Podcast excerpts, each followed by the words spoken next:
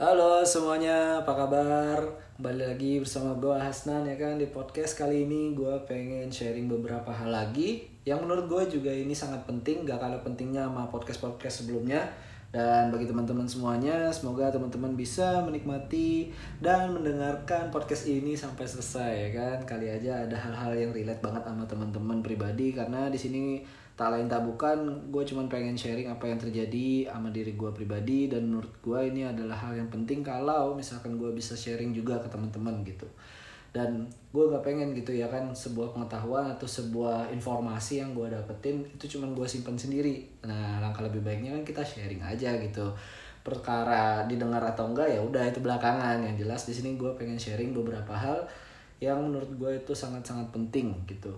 Nah yang pertama di sini kita uh, gue pengen bahas tentang kualitas diri ya. Kualitas diri ini merupakan salah satu hal yang paling penting bagi kita baik itu dalam meniti karir maupun menjalani kehidupan atau mungkin dalam kita sedang berproses di dunia pendidikan kayak gitu. Loh kalau misalkan udah udah pendidikan oke okay, tidak apa-apa karena kualitas diri bukan hanya untuk orang yang berpendidikan tapi juga ada untuk orang eh, tapi juga bisa kok untuk orang-orang yang mungkin putus sekolah dan lain-lain itu Nah, jadi ini sifatnya umum sekali kayak gitu. Nah, hanya saja yang namanya kualitas diri ini memang harus ada effort, harus ada usaha yang kita tempuh, harus ada usaha yang harus kita jalani, ada juga uh, harus ada usaha yang harus kita pilih kayak gitu.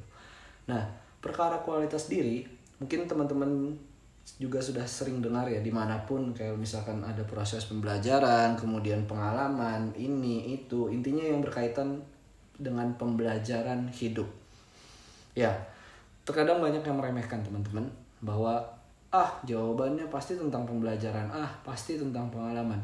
Iya itu adalah hal yang paling dasar. Bagi aku pribadi itu adalah hal yang paling dasar untuk membentuk kualitas diri kayak gitu. Kenapa sih jadi penting banget kualitas diri ini? Emang apa fungsinya Oke, ketika teman-teman mempunyai kualitas diri yang baik, kualitas diri yang sangat-sangat hebat, kualitas diri yang mumpuni, kualitas diri yang mapan, kualitas diri yang luar biasa, maka teman-teman akan mendapatkan benefit seperti teman-teman dikenal oleh banyak orang, kemampuan teman-teman tidak diragukan, teman-teman dianggap orang yang bertanggung jawab, teman-teman juga bisa dianggap sebagai pemimpin yang kuat, pemimpin yang adil, pemimpin yang bijak, pemimpin yang hebat. Apa? Masih kurang? Oke. Teman-teman, kalau misalkan mempunyai kualitas diri yang sangat hebat, teman-teman juga bisa dipercaya oleh orang banyak. Kemudian teman-teman mungkin bisa diberi uang berupa uh, sejenis investasi begitu dan teman-teman yang handle tanpa teman-teman harus mengeluarkan modal.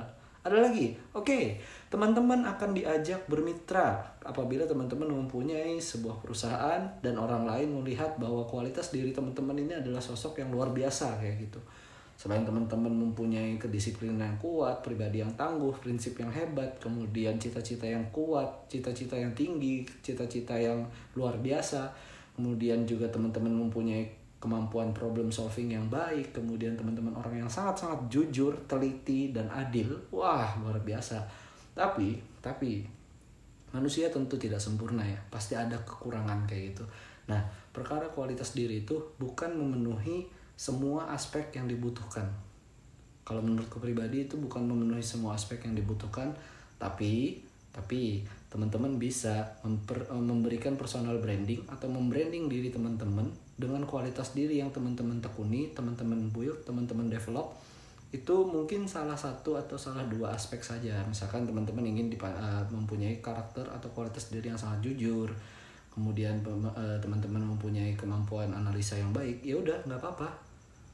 Tapi bukan berarti tidak meningkatkan kualitas diri yang lain kayak gitu. Nah itu perlu dipelajari karena ya namanya manusia juga harus ada proses menuju kesempurnaan. Meskipun pada hakikatnya manusia itu memang tidak sempurna begitu. Pasti ada pasti ada eh, kesalahan dalam prosesnya kayak gitu. Sehingga yang namanya kualitas diri ini secara general itu adalah kemampuan yang sangat-sangat dibutuhkan oleh banyak orang. Atau mungkin dibutuhkan setiap orang kayak gitu. Karena ada kaitannya nanti teman-teman dengan relasi kayak gitu kalau misalkan teman-teman merasa oke okay, aku berkualitas kok belum tentu karena orang lain yang akan menilai kayak gitu. Nah lalu kita memang tidak bisa menyenangkan semua pihak. Namun namun pasti ada pihak-pihak yang melirik dengan kualitas diri kita kayak gitu. Nah itu yang teman-teman harus pahami bahwa kualitas diri itu adalah sesuatu yang memang tidak bisa dirasakan sekarang, namun bisa diusahakan sekarang, bisa diperjuangkan sekarang, bisa menjadi prosesnya sekarang. Jadi bagi teman-teman semua, kalau misalkan merasa masih meremehkan yang namanya pengalaman, kemudian pembelajaran hidup, oke, rubah mindset itu. Jangan pernah meremehkan yang namanya pembelajaran hidup dan pengalaman kalian bisa belajar, kita bisa belajar dari cerita orang lain atau mungkin dari kehidupan kita sendiri kayak gitu nah. Cuman memang yang paling kena itu adalah ketika kita mengalami itu sendiri. Ketika kita terjatuh, ketika kita dapat suatu masalah, oke okay, saat itu kita bersedih, kemudian kita mencoba menjadi pribadi yang kuat, merecovery segala kesalahan, segala permasalahan yang ada dalam hidup kita, itu kita kita coba bangkit dan memperbaiki dengan apa yang akan terjadi di masa yang akan datang kayak gitu kita harus memperbaiki langkah-langkah step-stepnya dan lain-lain sehingga ketika kita sadar betul bahwa di situ ada proses recovery nah perlahan-lahan teman-teman akan mendapatkan pembelajaran itu di dalam proses recovery atau uh, pemulihan teman-teman kayak gitu nah saat terjatuh atau setelah terjatuh dari uh, uh, di dalam permasalahan yang teman-teman sedang rasakan kayak gitu nah sehingga teman-teman selain kualitas diri itu teman-teman juga sangat penting dan tidak kalah berpengaruhnya juga terhadap lingkungan yang teman-teman pilih. Kalau misalkan, kalau misalkan teman-teman mendapatkan lingkungan yang tidak menunjang diri teman-teman untuk menjadi individu yang berkualitas atau tidak menunjang dengan per apa perbuatan yang menurut teman-teman itu adalah hal yang sangat positif dan berdampak baik untuk orang-orang, oke, itu akan menjadi bahaya. Kenapa? Karena lingkungan yang positif, lingkungan yang baik, lingkungan yang suportif itu akan mempengaruhi sangat-sangat besar. Kenapa jadi sangat-sangat besar? Karena ketika teman-teman merasa bahwa oke, okay, aku sudah cukup punya kualitas diri yang seperti ini, lalu siapa yang bisa menunjang itu biar teman-teman lebih semangat lagi? Kecuali orang lain. Pastinya orang lain. Kekuatan eksternal itu penting, teman-teman jadi ketika teman-teman mempunyai sahabat, mempunyai teman yang sangat-sangat suportif, pasti teman-teman akan sangat semangat. Teman-teman akan menggebu-gebu, teman-teman akan semakin pede untuk bisa meningkatkan kualitas diri. Ketika ada seribu orang yang menghina, namun teman-teman berada di satu lingkungan yang satu orang sangat suportif, pasti teman-teman akan tetap berkarya, teman-teman akan tetap maju. Itulah sangat-sangat penting bergaul di lingkungan yang positif, di lingkungan yang baik. Ketika teman-teman tidak mempunyai atau belum mempunyai lingkungan yang positif, oke, okay, mulailah dari dirimu. Mulailah dari diri kita. Mulailah kita menjadi individu yang positif, melihat orang lain tanpa embel-embel, tanpa melihat bahwa oh ini hartanya banyak, oke okay, kita temanin. Tidak. Kita berteman bukan karena itu. Lihatlah secara manusia. Maksudnya begini, aku menemanimu, aku berteman denganmu tanpa alasan, tidak ada alasan apa pun mulai dari situ saja kemudian yang kedua teman-teman berusaha menjadi orang yang menerima kemudian orang yang bijaksana dalam berteman kemudian tidak toksik oke okay, toksik boleh kasar misalkan kayak eh lu bego banget ya ndak apa-apa kalau misalkan sudah akrab banget kayak gitu. Nah karena itu adalah sebagian dari jokes kayak gitu. Itu hal yang biasa ya namanya sudah teman akrab ya. Kalau menurut aku sih pribadi itu biasa kayak gitu ya. Namanya sudah akrab banget ya akhirnya saking akrabnya saking lekatnya sehingga tidak ada lagi unsur ketersinggungan kayak gitu. Nah kalau misalkan dalam berteman. Tapi itu tidak bisa digunakan pada setiap orang. Pasti orang-orang itu mempunyai persepsi yang berbeda-beda sehingga mungkin akan memicu uh, akan memicu ketersinggungan orang lain terhadap diri kita kayak gitu. Jadi hati-hati juga teman-teman. Nah menjadi individu yang positif itu tidak susah kok. Karena itu adalah sebuah pilihan. Itu adalah jalan hidup yang harus kita pilih. Menjadi orang yang positif atau menjadi orang yang negatif.